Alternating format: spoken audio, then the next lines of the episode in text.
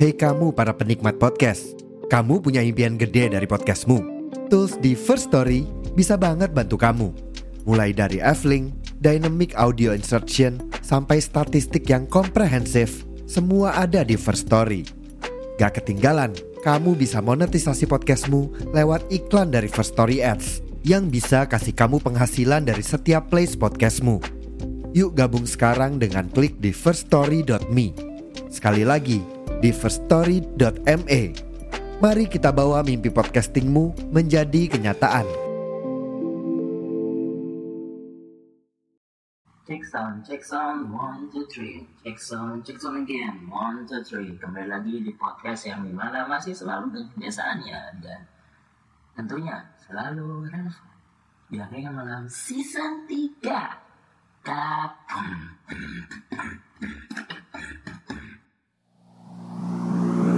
One,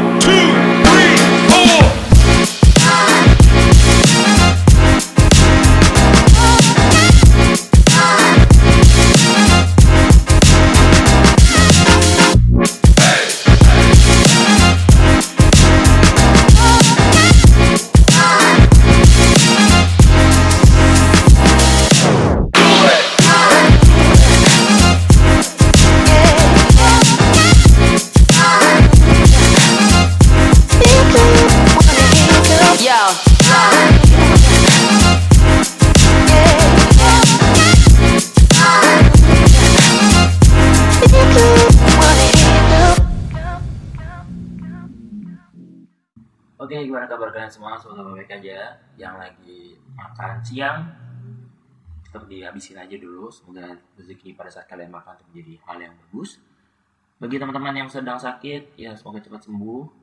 Bagi yang lagi banyak masalah, kayak gua, dihadapin, jangan kabur. Karena kabur akan menunjukkan bahwa Anda tidak mampu melawannya.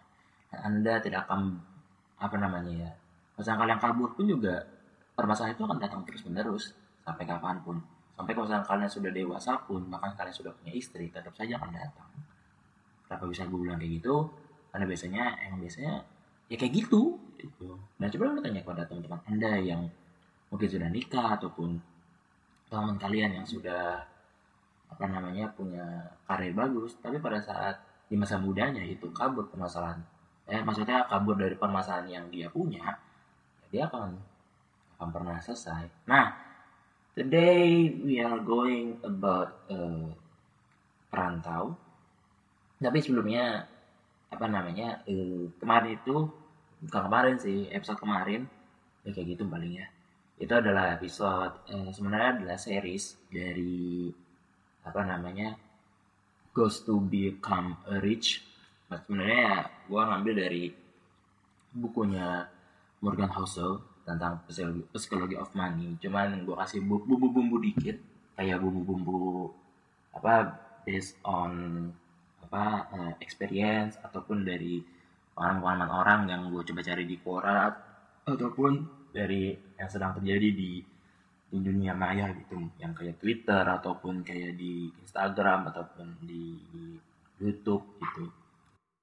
Dan gue hanya mengingatkan kembali ya jadi klien itu kan tidak hanya semerta-merta hanya dilihat dari material gitu. Tapi kayaknya secara point of view ini sebenarnya kemarin kan ada tiga point of view kan. Satu dari based on eh, apa namanya skill based on eh, material. Based on material itu ya meskipun lu punya apa namanya lu pengen beli tapi sesuai dengan kadar yang sedang lu butuhkan loh. Kayak gitu maksud gue yang based on ini. Yang kedua. Dan satu lagi itu based on your psychology gitu. karena psikologi kalian pada saat sudah punya uang pasti akan apa namanya ya pasti akan mau nggak mau pasti akan feel apa ya feels like uh, more fucking spend gitu meskipun lu rasa kayak ya udah paling uangnya datang lagi. Nggak kayak gitu konsepnya bang bang ya kayak nggak kayak gitu. Nggak akan kayak gitu. Cuman ya sudah cuman sekali lagi ya gue ingatkan jarak bahwa kalian itu tidak hanya dilihat secara apa namanya eh, skill tapi bagaimana cara kal- kalian itu bisa memanage-nya ya kan karena yang bisa memanage itu kan kalian sendiri bukan saya saya hanya memberikan teoritisnya aja supaya ya tidak gabut lah setelah kalian sudah punya uang. Oke, today sekali lagi gue ngebahas tentang hmm, perantau. Ini sebenarnya tidak satu lini dengan series, cuman ini adalah eh, dibilang bukan seri enggak, cuman hanya sedikit episode pergabutan sih. Iya benar. Ya hanya sedikit pergabutan saja karena eh, kita tahu bersama bahwa Indonesia tentunya masyarakat-masyarakat itu kebanyakan gue bisa ngambil eh, persenan itu taruhlah ya eh, 90 persen itu sudah berapa sunah sunah lagi sudah pada para apa sudah pernah menjadi perantau maksudnya. Nah bisa begitu karena kebanyakan itu mungkin dari pada saat lagi sekolah ataupun pada saat lagi eh, kuliah ataupun pada saat lagi kerja tuh sudah kayak apa namanya ya ya harus pindah gitu loh. Supaya yang pertama pasti dekat yang kedua mengirit dana maksudnya keuangan yang ketiga adalah bisa apa ya merasakan kultur baru ataupun budaya baru seperti itu. Contohnya gini gua dari pa- pa- dari experience gua dulu deh. Jujur aja gua dari Tangerang muridnya Tangerang lahir dan besar di Tangerang. Dan gua di apa namanya kuliah itu alhamdulillah al- alhamdulillahnya itu gua kedapatan di UIN Profesor Kiai Haji Saifudin Zuhri Purwokerto. Ini mana ya itu jaraknya jauh banget dari rumah gua. Itu gua di ya kampus gue ini terletak di eh, Purwokerto. Dan bagi kalian yang para pendengar dari Po apa dari mahasiswa UIN Saizu ya inilah gua. Ya gua anak Febi sekarang gue semester 5 dan selama gua menjadi perantau itu ada baik dan buruknya. Baik dan buruknya mungkin akan gue bahas di sesi selanjutnya mungkin supaya lebih detail. Cuman ini hanya basicnya dulu aja oke? Kalian tet- tetap stay tune gitu ya. Harus tetap stay tune. Habis itu juga gue di sini juga merasakan namanya kultur-kultur yang apa ya menjadi wong ngapak gitu. Jadi kau ini harus jadi wong ngapak gitu. Jadi kamu tuh harus jadi wong apa jadi orang yang bisa bahasa ngapak gitu. Harus bisa gitu. Sebenarnya enggak enggak ada namanya keterpaksaan sih belajar bahasa ngapak cuman itu secara tidak langsung tuh ada sifat rasa kayak kewajiban. Karena misalnya kalian mau mengerti akan suatu hal yang ada di sekitar lo mau mau mau nggak mau berarti ada satu alat yang perlu kalian asah gitu. Itu adalah komunikasi. Karena tanpa komunikasi ya kalian ibarat kata ngomong apa ya nggak bisa ngomong apa apa gitu. Ibarat kata kayak lu masih anak kecil gitu. Jadi ya di sini di poker tuh gue ya belajar bahasa apa dikit-dikit kadang kalau misalkan gue udah nggak bisa ngomong bahasa apa kayak gue mau pakai bahasa Indonesia yang baik dan benar lah. Supaya tidak apa namanya tidak menyakiti hati seorang itu di sini.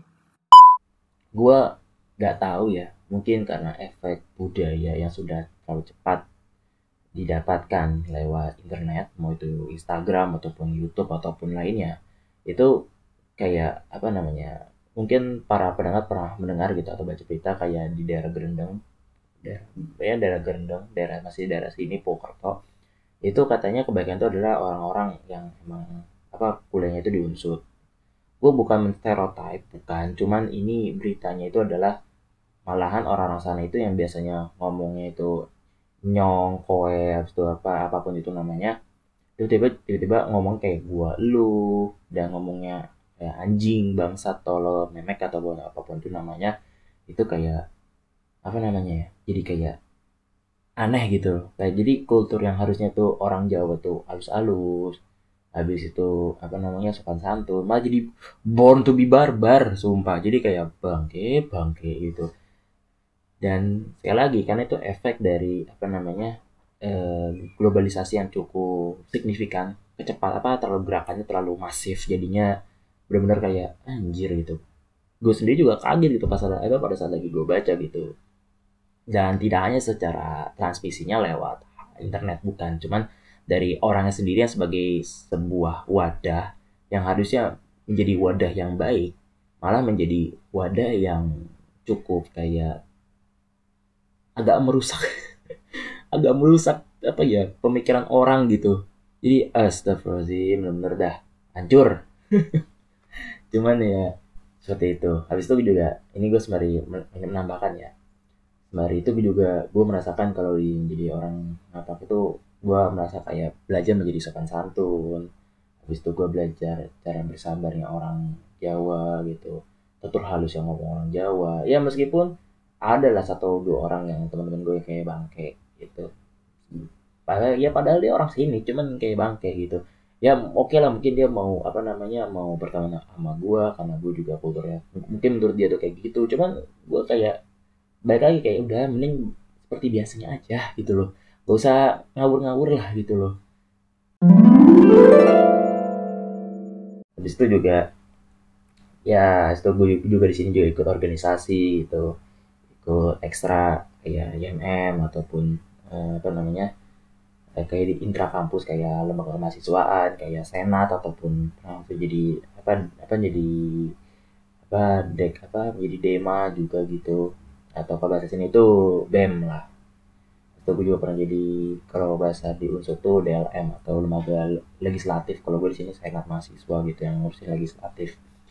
Tapi ya seperti itu. Dan lu tahu apa yang gue dapatkan di sini?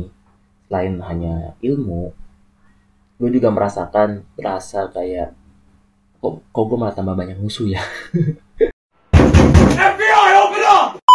gue nggak tahu apa yang sedang terjadi. Benar gue nggak tahu. Kayak benar gue kayak blind map benar buta map terhadap akan sesuatu. Karena mungkin karena gue keseringan ya oke lah gue juga masih buka internet tapi kadang-kadang gue juga buka buku ataupun buat podcast ataupun gue main gitu. Dan kalau tanya apakah gue bisa sosialisasi? Ya sebenarnya bisa gitu.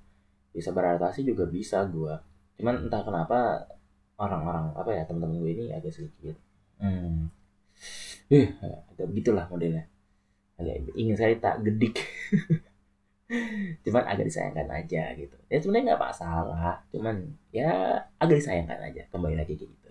Itu juga apa namanya ya mungkin yang gue rasakan seperti itu sih eh, para pendengar uh, angkringan malam season 3 dan sebenarnya ada sih yang pengen gue apa namanya pengen gue ceritain gitu secara mungkin bahasa enaknya itu subjektif lah. Karena yang namanya subjektivitas kan lebih lebih cepet dipercaya nggak sih? Nggak canda sebenarnya ada yang ada yang objektif juga. Karena nanti gue juga akan melipir. Eh sorry bukan melipir sih kayak agak sedikit gue tambahin dari perspektif orang-orang terkait kalau perantau tuh kayak gimana sih gitu. Dan mungkin langsung aja kepada pembahasan berikutnya ke sesi selanjutnya di Angkringan Malam Season 3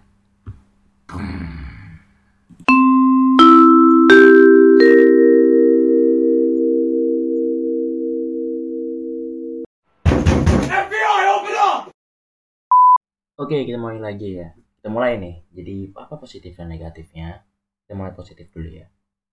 Sebenarnya kita tahu bersama ya. Tahu bersama bahwa menjadi seorang perantau tuh tentunya pasti dia satu yaitu mengasah kemampuan dirinya. Mau dari segi beradaptasi ataupun dari segi kayak mungkin apakah dia bisa mampu mendapatkan ilmunya ataupun dia bisa kayak mendapatkan rezekinya gitu. Yang mungkin di tempat sendiri itu mungkin tidak dapat seperti itu. Contohnya lu tahu pendiri eh, sorry eh, orang India yang sekarang dia menjadi bos besar di Google? Dulu dia itu adalah yang gua tahu di dalam biografinya itu adalah seorang yang pintar habis itu dia cerdas tapi secara perekonomian keluarganya itu cukup cengep-cengep. Apa cengep-cengep bahasa ini? Ya ya dia tidak mampu lah gitu. Mohon maaf gitu tidak mampu. Tapi apa yang menjadi dia ingin sekali memperjuangkan eh, apa namanya eh, pendidikannya dia itu sampai bela-bela yang gue ingat itu dia sampai dia bekerja di- menjadi tukang cuci piring plus da- dan orang tuanya juga apa ya eh, merelakan gitu kerja sampai tengah malam karena pekerjaan orang tuanya bapaknya kan sebagai tukang pos ibunya ibunya sebagai orang yang apa ibu rumah tangga plus kaitannya sih sebagai tukang cuci piring gitu di setiap rumah rumahnya gitu setiap rumah rumah orang gitu tapi si anaknya ini tuh berjuang belajar gitu bahkan mencari beasiswa beasiswa dan alhamdulillahnya tembus gitu. Dan dia tembus untuk ke Amerika. Gue lupa nama kampusnya. Dan setelah dia belajar di Amerika dia alhamdulillahnya tuh dapat rezeki gitu. Dia menjadi orang besar di, di kantor Google ya kan? Dan dia juga menjadi salah satu yang apa namanya ya orang yang terkaya di India gitu. Bagi yang tahu namanya mungkin kalian bisa ya apa isi di kolom komentar seperti itu. Itu bisa menandakan bahwa dari eh, biografi dari orang tersebut kita bisa menandakan kita harusnya lebih bisa mampu apa namanya berani gitu loh. Ya berusaha dengan apa pun caranya lah. Tapi yang halal jangan yang haram gitu Nah, dan juga itu juga perlu namanya itu apa namanya ya ya menganalisa dulu loh sebelum kita mau merantau apa saja yang nanti akan siap. Apa ya, eh, maksudnya tuh apa saja nanti disiapkan plus nanti apa saja yang perlu kita lakukan gitu. Dan ya jadilah orang. Sebenarnya prosesnya tuh lama banget gitu. Tidak sampai kayak ya layaknya makan indomie lah ya instan tuh enggak. Butuh waktu bertahun-tahun mungkin supaya bisa menjadi apa namanya orang yang apa ya kayak the great man gitu. Kayak bisa orang hebat seperti itu. Yang kedua adalah berani apa namanya ya eh ini siap-siap dengan resiko-resiko yang akan terjadi gitu. Ini ini sih positifnya ya. Karena kalau misalkan kalian sudah berani mengapa sudah berani untuk mempersiapkan yang kayak risiko-risikonya contoh kayak sakit ataupun kayak kehabisan duit ataupun eh, nggak punya saudara ataupun lu ketinggalan apa kehilangan teman ya lu akan siap gitu. Ibarat kata kayak lu menjadi lone wolf lah. Lone wolf ini kan ibarat kata tuh orang yang bisa bekerja sendiri gitu. Meskipun dia lagi sedang di bawah tekanan tapi dia bisa bekerja sendiri bahkan lebih efisien malahan. Seperti itu. Andai kata dia paham caranya gitu dan poin positifnya lagi kalau sekarang kalian apa namanya kalian mau e, merantau adalah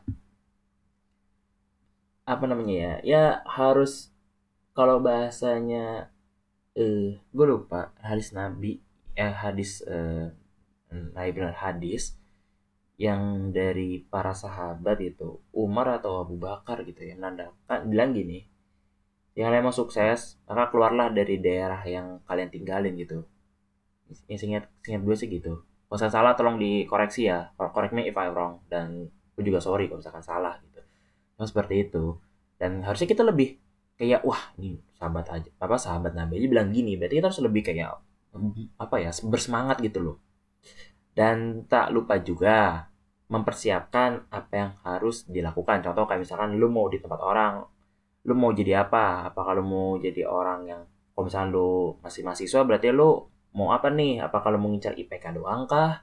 Atau hanya mengincar eh, nilai doang? Apa sorry bukan nilai apa namanya? Menjadi orang yang punya jabatan di kampus kah?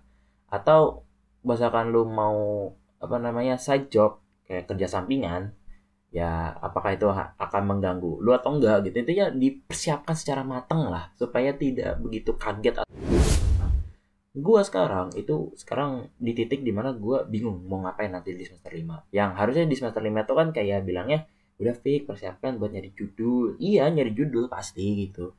Cuman selain itu apa lagi gitu? Apakah hanya apakah hanya menyelesaikan organisasi yang sedang gue jalanin atau apa gitu? Itulah namanya persiapan untuk merantau. Plusnya lagi adalah pastinya lu akan dapet teman yang apa yang cukup wadidau, yang cukup beraneka ragam bentuk dan jenis-jenisnya, bahkan yang kayak tingkatnya kayak edun, edun, edan itu ada. Edunnya banget, edunnya keterlaluan, apa sablek, edan, benar-benar edan gitu. Ya ada gitu pasti tapi yang nggak usah dibawa pusing lah. Tapi ya kalau seandainya kata agak sedikit disayangkan. Ya ada beberapa tips sih. Cuma nantilah pas gue setelah ngebahas tentang negatif dari merantau gitu. Oke selanjutnya pindah ke negatif ya. Ini negatifnya dari merantau itu satu pasti homesick. Karena jelas lah kalau misalnya udah homesick beuh apa pun pusing gitu. Homesick itu bukan perasaan rindu rumah. Tapi melainkan kerinduan untuk pulang loh. Ngerti gak sih maksud gue jadi begini ketika kita membicarakan tentang pulang gue tuh berpikir kayak ibarat tuh kayak sebuah tempat yang terkadang gue tuh lagi merasakan lagi di rumah loh.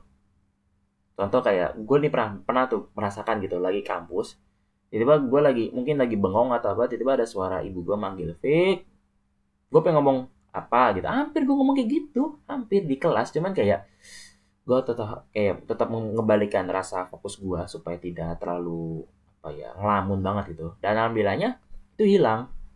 Tapi alih-alih setelah rasanya itu pulang tuh kayak ibarat tuh apa ya pulang ke rumah ya. Yang gue rasakan tuh ibarat kata kayak kabur dari apa namanya kabur dari kegiatan yang harusnya gue apa namanya harusnya gue datangin tuh. Ada berapa yang beberapa agenda atau acara gue pulang ke rumah gitu. Beralasannya kayak gitu.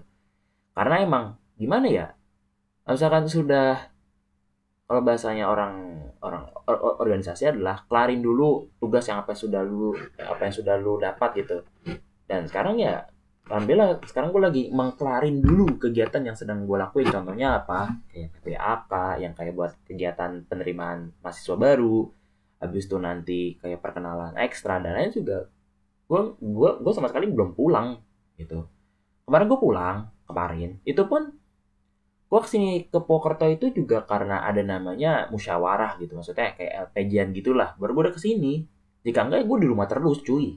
Bahkan yang enaknya adalah temen gue yang udah ikut ekstra tapi nggak ikut non lebih tepatnya nggak ikut lembaga kemahasiswaan dia itu dari rumah terus eh lebih tepatnya dia di rumah terus menerus gue iri gitu ya sudahlah jadi ya seperti itu dan lagi ketika lu pada nih meninggalkan acara yang mungkin Anda sukai, ini masih berkaitan dengan acara ya.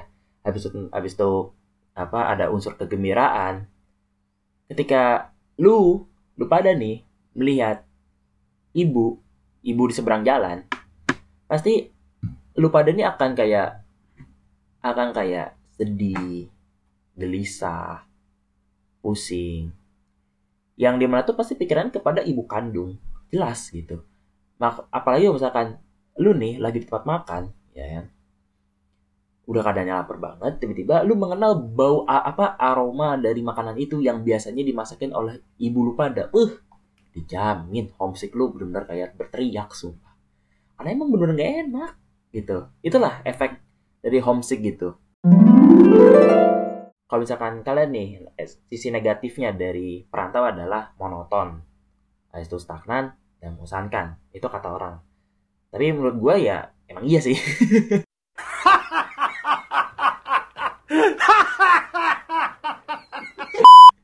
Emang iya karena yang namanya monoton stagnan atau membosankan itu udah kayak makanan sehari-hari ya. Karena gimana gue lu nggak monoton gitu. Andai kata nih mohon maaf gitu lu nggak punya motor ataupun lu nggak punya duit ya kan dan lu perantau lalu ngapain kerjaannya pasti di kamar terus dong ya kan buka HP, buka laptop, tidur, buka HP, buka laptop, tidur, buka HP, buka laptop, tidur. Itu sampai kapan tuh juga bosen cuy. Sumpah, bosen banget. Dan gue ngerasain itu, belum gak enak banget, sumpah. Enak banget. Dan alhamdulillahnya, alhamdulillahnya itu gue bisa mengan apa men menetralisir. Gue cari kos-kosan, ini mana tuh di titik tengah-tengah. Maksudnya tuh kayak titik tengah kayak gue beli makan bisa, jangan jalan kaki, gua bisa ke alun-alun dengan jalan, kaki bisa. Bisa ke, kampus dengan jalan kaki juga bisa kalau misalkan mau. Bahkan kalau misalkan ada kata lu mau ke daerah pusat perbelanjaan atau mall itu gue juga bisa jalan kaki gitu. Kenapa gue milih kayak gitu? Supaya gue kayak apa namanya ya? Ya sekali lagi menetralisir lah karena misalkan lu udah lu udah kos kosannya jauh ya kan? Habis itu jaraknya cukup wadidaw gitu. Wah pusing sumpah. Gak enak banget kayak gitu.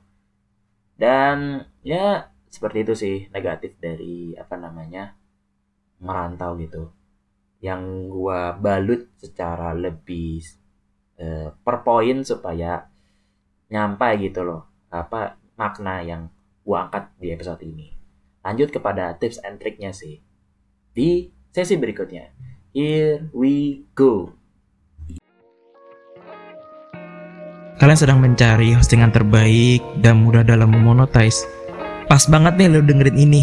Karena menurut gua lo cobain namanya First Story. Karena bener-bener nih hostingan itu paling terbaik tau nggak?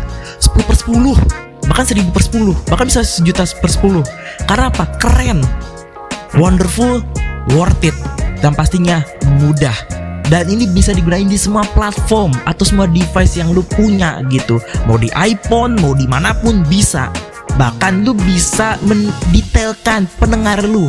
Dengan cara apa? Lu tinggal gunain aja first story lu bisa tahu dari situ dan lu bisa mengeksplor semua semua pendengar dari episode-episode podcast lu. Dan sekali lagi, jangan lupa gunain First Story di device kalian maupun kalian suka. Oke, uh, sekarang kita masuk ke dalam sesi tips and trick bagi para perantau. Ini gue nemu di beberapa uh, situs plus akan gue combine dikombinasi dengan pengalaman gue jika lo mahasiswa, yang pertama lo akan mempersiapkan satu adalah uang. Jika lo adalah dari keluarga yang notabene apa ya middle to be high. Atau kayak mungkin dari tengah-tengah ke atas itu kan pasti dikasih uangnya pasti ya. Kalau nggak sejuta per bulan atau enggak ya range paling gede banget tuh ya 3 juta lah pasti. Nah itu lu bisa apa namanya bisa dengan cara lu bisa penggunaan rumus gua tuh 80 per 20 80 persen ya buat apa namanya penggunaan per bulan maksudnya pemakaian satu bulan dan sisanya itu buat nabung 20 persennya. Seperti itu. Atau enggak jika lu suka bermain investasi lu bisa menggunakan investasi gitu. Contoh kayak ada kan ada saham ada obligasi dan lain-lain gitu. Atau seperti sesuai dengan episode gue yang kemarin karena akan akan punya korelasi kalau ngebahas tentang ekonomi gitu. Itu adalah beli sesuai dengan kebutuhannya lu dan jika andai kata lu lagi nongkrong ya udah beli yang sesuai dengan apa yang lu ingin beli gitu. Contoh lu lagi nongkrong beli kopi ya udah beli kopi gitu. Jangan di tongkrongan malah belinya ini hampir borongan ajib. Tuh lu siapa? Apa uh, Hotman Paris? Enggak canda canda. Cuman ya harusnya lebih tahu diri lah kalau misalkan udah perantau habis itu duitnya cuma seberapa gitu. Itu satu. Dan mengenai keuangan. Yang kedua jika lu adalah orang yang main ke tempat daerah baru dan lu nggak punya saudara lu harus bener-bener cari yang namanya tuh teman dulu. Maksudnya teman kayak mungkin sekos ataupun teman seperkuliahan atau teman yang emang kayak dika lagi nongkrong dan lu berkenalan dengan orang apa teman di dalam tongkrongan itu ya udah lu bisa dapat namanya pertemanan gitu. Tapi juga harus benar benar-benar difilter gitu. Mana yang baik mana yang buruk mana yang hanya modal ingin apa pengen apa manfaatin lu atau hanya ingin ngebuat lu tuh sebagai musuhnya dia gitu. Ya banyak macem lah. Yang namanya pertemanan gitu. Dan kalau bisa tanya apakah gue pernah melakukan itu semua? Oh udah. Iya iya iya tapi sekarang juga sekarang di titik gue sekali lagi gue titik kayak entah apa gue lagi kayak punya musuh gitu. Nggak tahu kenapa. Aneh tapi sudah lah. FBI open up! Seperti itu. Habis itu jika lu nggak punya saudara ya lu juga mikirin nih lokasi. Masa lokasi itu kayak contoh lu uh, ngekos gitu. Lu mikirin tuh dari kosan lu sampai ke kampus itu jaraknya jauh atau enggak? Jika dekat lu jalan kaki lebih bagus. Supaya apa? Supaya lu bisa mengirit uh, jumlah si keuangan yang sedang lu punyai gitu. Tapi kalau misalkan jauh, berarti siap-siap pikirin beberapa aspek penting. Satu, lu butuh namanya kendaraan yang tetap supaya lu bisa apa mobilitas lu bisa sat-sat lah gitu. Tapi kalau misalkan lu gak punya kendaraan, berarti mau gak mau lu kan naik sebuah kendaraan umum dong. Yang jelas-jelas lu harus tahu rutenya ke mana tapi kalau misalkan lu mau yang lebih enak lu bisa naik gojek yang jelas-jelas lebih tinggal plug and play gitu lu bisa duduk lu bisa nyantui gitu tapi efek sampingnya adalah lu akan kekurangan uang dikala lu keseringan naik gojek gitu jadi ya benar-benar harus apa namanya harus pinter-pinter dalam memilih s- lokasi lu ngekos gitu supaya lu bisa bermain dengan keuangannya lu. Minimal ya syukur-syukur lu bisa ganti HP lah. Kayak gua. Dan habis itu setelah keuangan ya kan punya saudara dan lain-lain masuk ke dalam sesi berikutnya. Eh sorry le- lebih tepatnya ke tips berikutnya itu adalah lu harus bener-bener tahu lokasi tempat makan lu gitu. Karena apa? Biasanya anak kos itu biasanya kalau saya nggak tahu akan nge-spendnya tuh very very much gitu. Malah berlebihan jatuhnya. Yang perlu banget apa namanya ya? Ya ini lu tahu lah. Misalnya gini lu kos di daerah A. Ternyata di daerah A itu dia jualannya kayak nasi rames, nasi uduk, lontong sayur yang range harganya itu taruhlah 15.000 ribu. Berarti mau nggak mau apa lu harus cari lagi dong gitu. Meskipun di kosan lu nyaman, meskipun ada wifi, tapi tempat makannya mahal sama aja. Ya oke lah mungkin lu dibeli dibelikan sebuah rice cooker atau lu bisa ngestok beras, telur atau mie, ya bisa. Tapi apakah akan berbulan-bulan kayak gua? Gitu. Gua berbulan berbulan-bulan gitu. Gua kalau nggak ngestok kecap, saus, telur, nasi, mie, kopi, udah. Apakah gua pernah makan sayur? Ya, gimana ya? Pasar sih dekat. Cuman gua nggak tahu ininya masak. Nah, nanti akan tips mengenai berikut tentang masak akan gue bahas secara detailnya lagi. Tapi, gue lanjut lagi ya. Habis itu juga, misalkan, nih sekali lagi ya, misalkan lu daerah tempat lu, lu kos itu tempat harga mahal apa harga tempat makannya itu. Eh sorry lu tepatnya? Tempat harga makan makanan yang itu mahal mau nggak mau lu cari lagi gitu. ini mana bener-bener kayak range nya lu tuh cakep gitu loh. Cocok cocok sih. Cocok seperti itu. Dan kalau misalnya nggak cocok cari lagi. Dan alhamdulillahnya gua gua nyari kos itu eh, dua kali lah. Satu gue di daerah eh, daerah depan SPN jika lo orang Purwokerto mungkin lo ngerti SPN itu apa. Daerah situ. Itu mahalnya no uzubillah min jalik per bulan 450 ribu. 450 ribu per bulan. Nggak ada wifi kamar mandinya ada tapi nggak ada nggak ada dapur. Nggak nggak ada dapur umum. Ya meskipun agak sedikit ya nggak sedikit sih cuman agak mahal. Cuma cuman agak mahal 450 ribu. Dan ya gue nikmatin aja gitu nikmatin dengan baik-baik. Tempat makannya oke enak. Cuman ada, ada satu hal yang mungkin gue gak nyaman gitu. Satu jaraknya jauh banget dari kampus gue yang kedua itu adalah kok kosan gue ini terlalu deep banget loh. Masa deep itu apa ya udah ke dalam gang gang ke dalam gang lagi. Jadi kayak udah udah, udah dalam ya kan? Itu ke kampusnya jauh gitu dan lu tahu gue di sini di poker atau itu gue gak ada kendaraan sama sekali. Dan itu benar-benar agak sedikit mengganggu banget.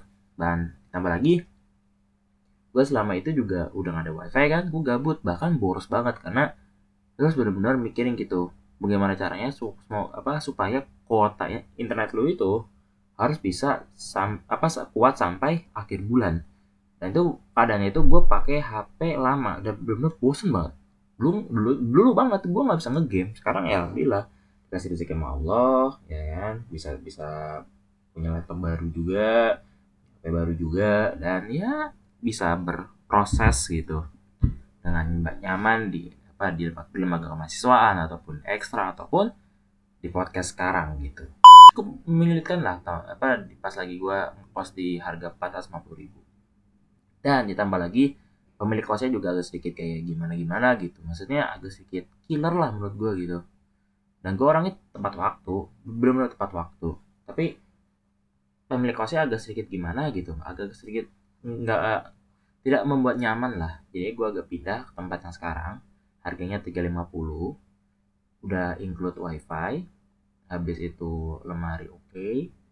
Eh, alun-alun Pokerto itu deket ke misalkan kayak lu mau ke tempat pembelanjaan itu deket juga ke ke kampus juga bisa opsi bisa jalan kaki ataupun naik kendaraan umum atau gua naik ke apa Gojek atau jenisnya gitu.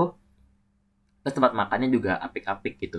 Plusnya lagi kalau ada kata misalkan gua mau nongkrong di sini juga ada tem- tempat kayak jenis kafe gitulah yang bisa buat nongkrong. Bahkan ada wifi juga pula wah cakep banget dah. Jadi kayak udah feels like uh, apa real home gitu. Cuma minusnya lagi adalah gue masih kurang mobilitas. Dan doain aja teman-teman dari para penonton angkringan malam. Gue juga datang pengen nabung untuk beli motor karena jujur aja gue butuh motor itu untuk mobilitas gue supaya gue tidak apa namanya tidak ngedekem bae di kamar gitu. Nggak terlalu deep diem banget lah di kamar gitu. Plus gue juga bisa jalan-jalan sendiri ataupun gue bisa ngajak doi gue ataupun gue juga bisa ngajak teman-teman gue untuk bisa main yuk gitu dan sekarang lanjut kepada sesi selanjutnya itu adalah mendengarkan cerita dari para para apa ya? Oh iya, para orang-orang yang ada di Quora karena tadi gue nemu pembahasan seru dan sepertinya perlu dibahas. Langsung aja kepada sesi berikutnya. Here we go.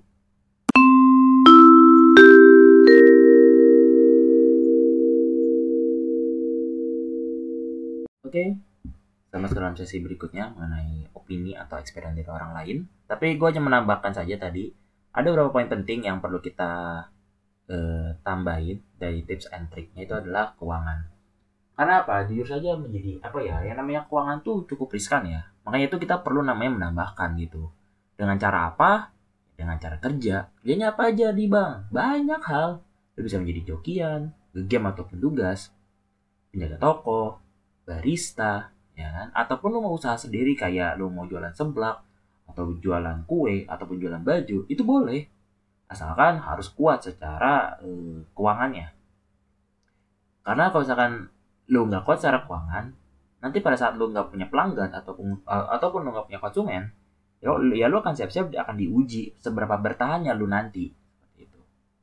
Nah mungkin segitu aja untuk tips and trick tambahan gua.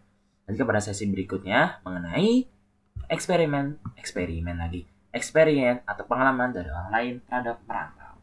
Nah, di sini dimulai dari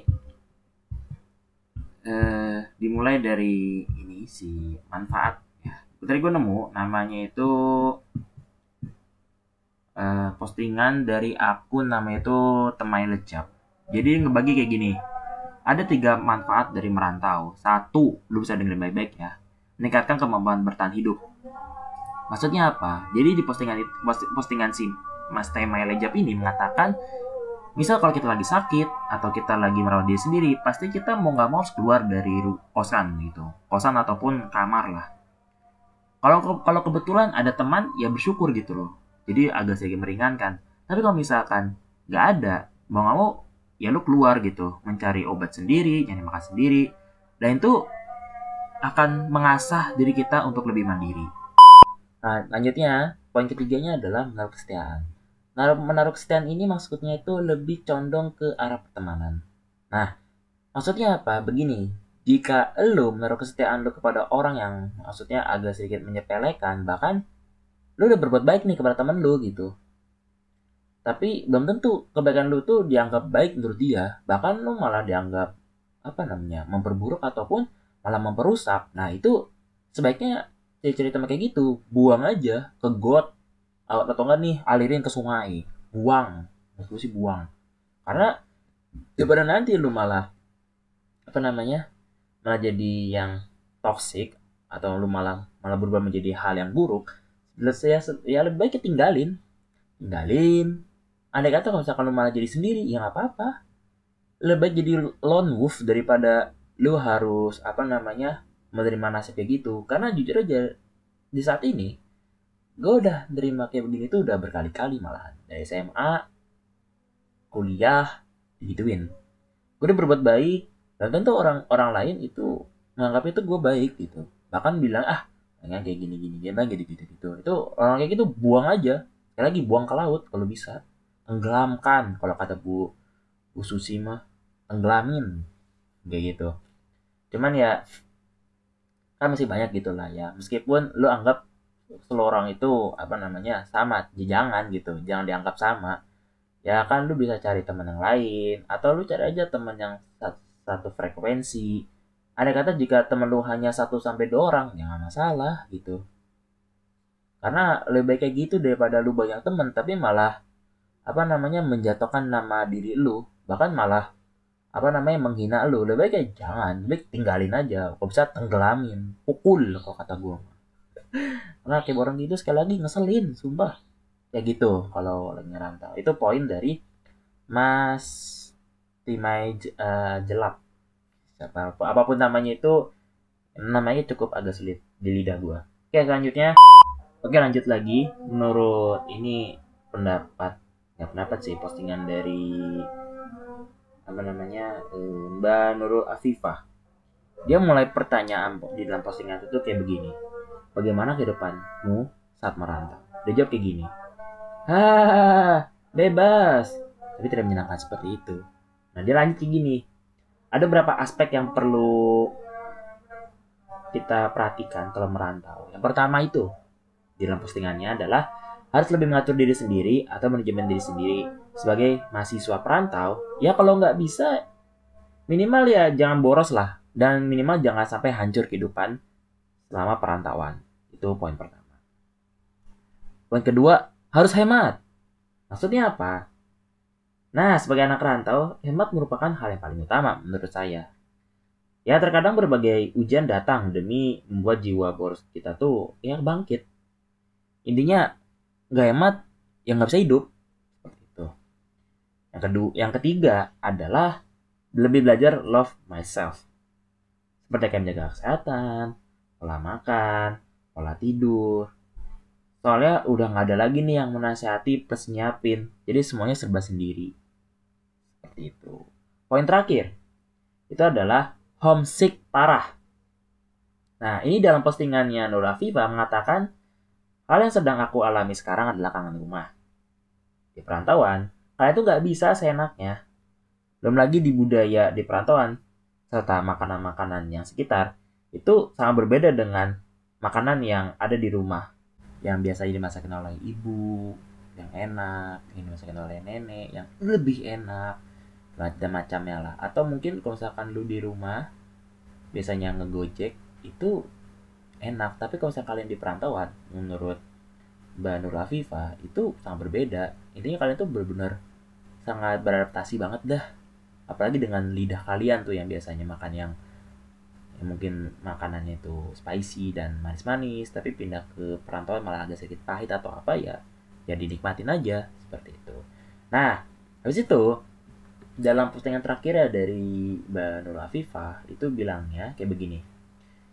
Intinya, kehidupan saya sendiri di perantauan itu sedikit berantakan. Seperti itu. Dan juga pada awalnya juga apa ya masih dalam proses adaptasi gitu. Namun, setelah beberapa bulan, saya mulai belajar untuk mengatur semuanya dan memulai kehidupan saya sendiri.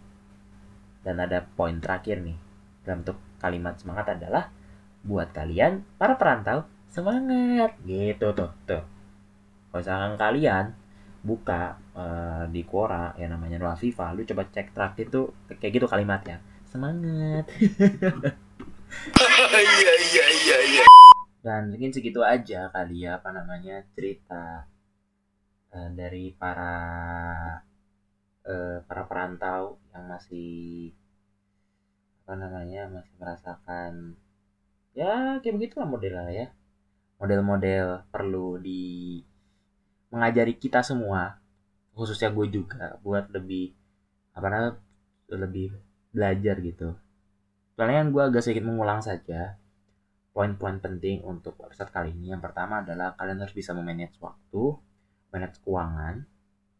Itu juga bisa mengenal diri sendiri ya kayak kesehatan anda yang tahu makanan anda yang tahu juga kenyamanan anda yang tahu juga kebahagiaan pun juga ada yang tahu juga serta kemauan ingin pengen diraih ya lu juga yang tahu gitu. Intinya kembali ke diri sendiri lah seperti itu. Tapi sebenarnya ada poin yang pengen gue tambahin untuk keseluruhan adalah namanya sesi itu lu bisa muasabah diri. Karena ya namanya sudah masuk dalam sesi muasabah diri lu akan menemukan rasa apa namanya ya titik jauh jauh banget dalam diri lu. Kayak mungkin kalau misalkan bahasa lebih kerennya itu lu bisa ngejawab uh, apa alam semesta mungkin. Dan is apa seisinya.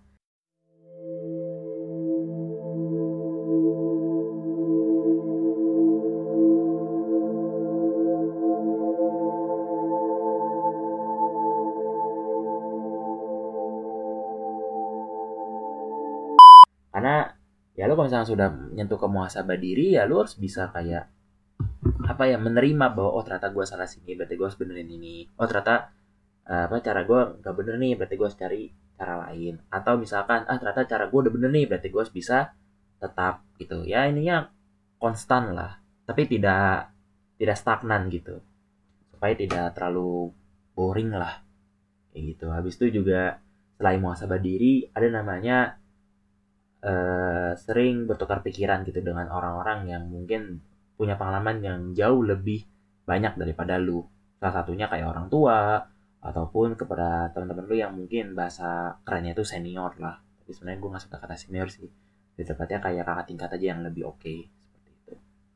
Dan orang tua dan kakak tingkat lu bisa nanya kepada mungkin kayak para pedagang kaki lima yang mungkin yang sering dibuat eh, langganannya lu makan atau lu minum lu coba tuh ngobrol-ngobrol bertukar pikiran. Kalau misalkan ucap apa eh, pembahasannya itu oke berarti masuk. Kalau enggak ya sudah nggak masalah. Ya ang- anggap saja itu sebagai obrolan ringan lah dengan para UMKM syukur-syukur lu bisa ngerti apa yang dirasakan oleh para UMKM dan dari UMKM sendiri juga ngerti apa eh, yang sedang dihadapin seperti itu. Ya meskipun terdengar sedikit berlebihan cuman ya ya nggak apa-apa sih. Dah, mungkin segitu aja untuk episode kali ini. Thank you karena sudah mendengarkan ini sepanjang hari. Jangan lupa di like, jangan lupa di follow, jangan lupa di share ke teman-teman kalian. Ya kalian suka dengan episode ini ya silahkan di komentar gitu. Atau kalau kalian pengen dengerin semua episode-episode yang ada di Angkringan Malam ini, lu bisa cek aja nanti di playlist di Spotify ataupun di Noise atau di First Story juga bisa. Dan segitu aja. Thank you dan sampai jumpa lagi di episode-episode selanjutnya dari Angkringan Malam Season 3. Ke Dadah semua. Sampai jumpa lagi.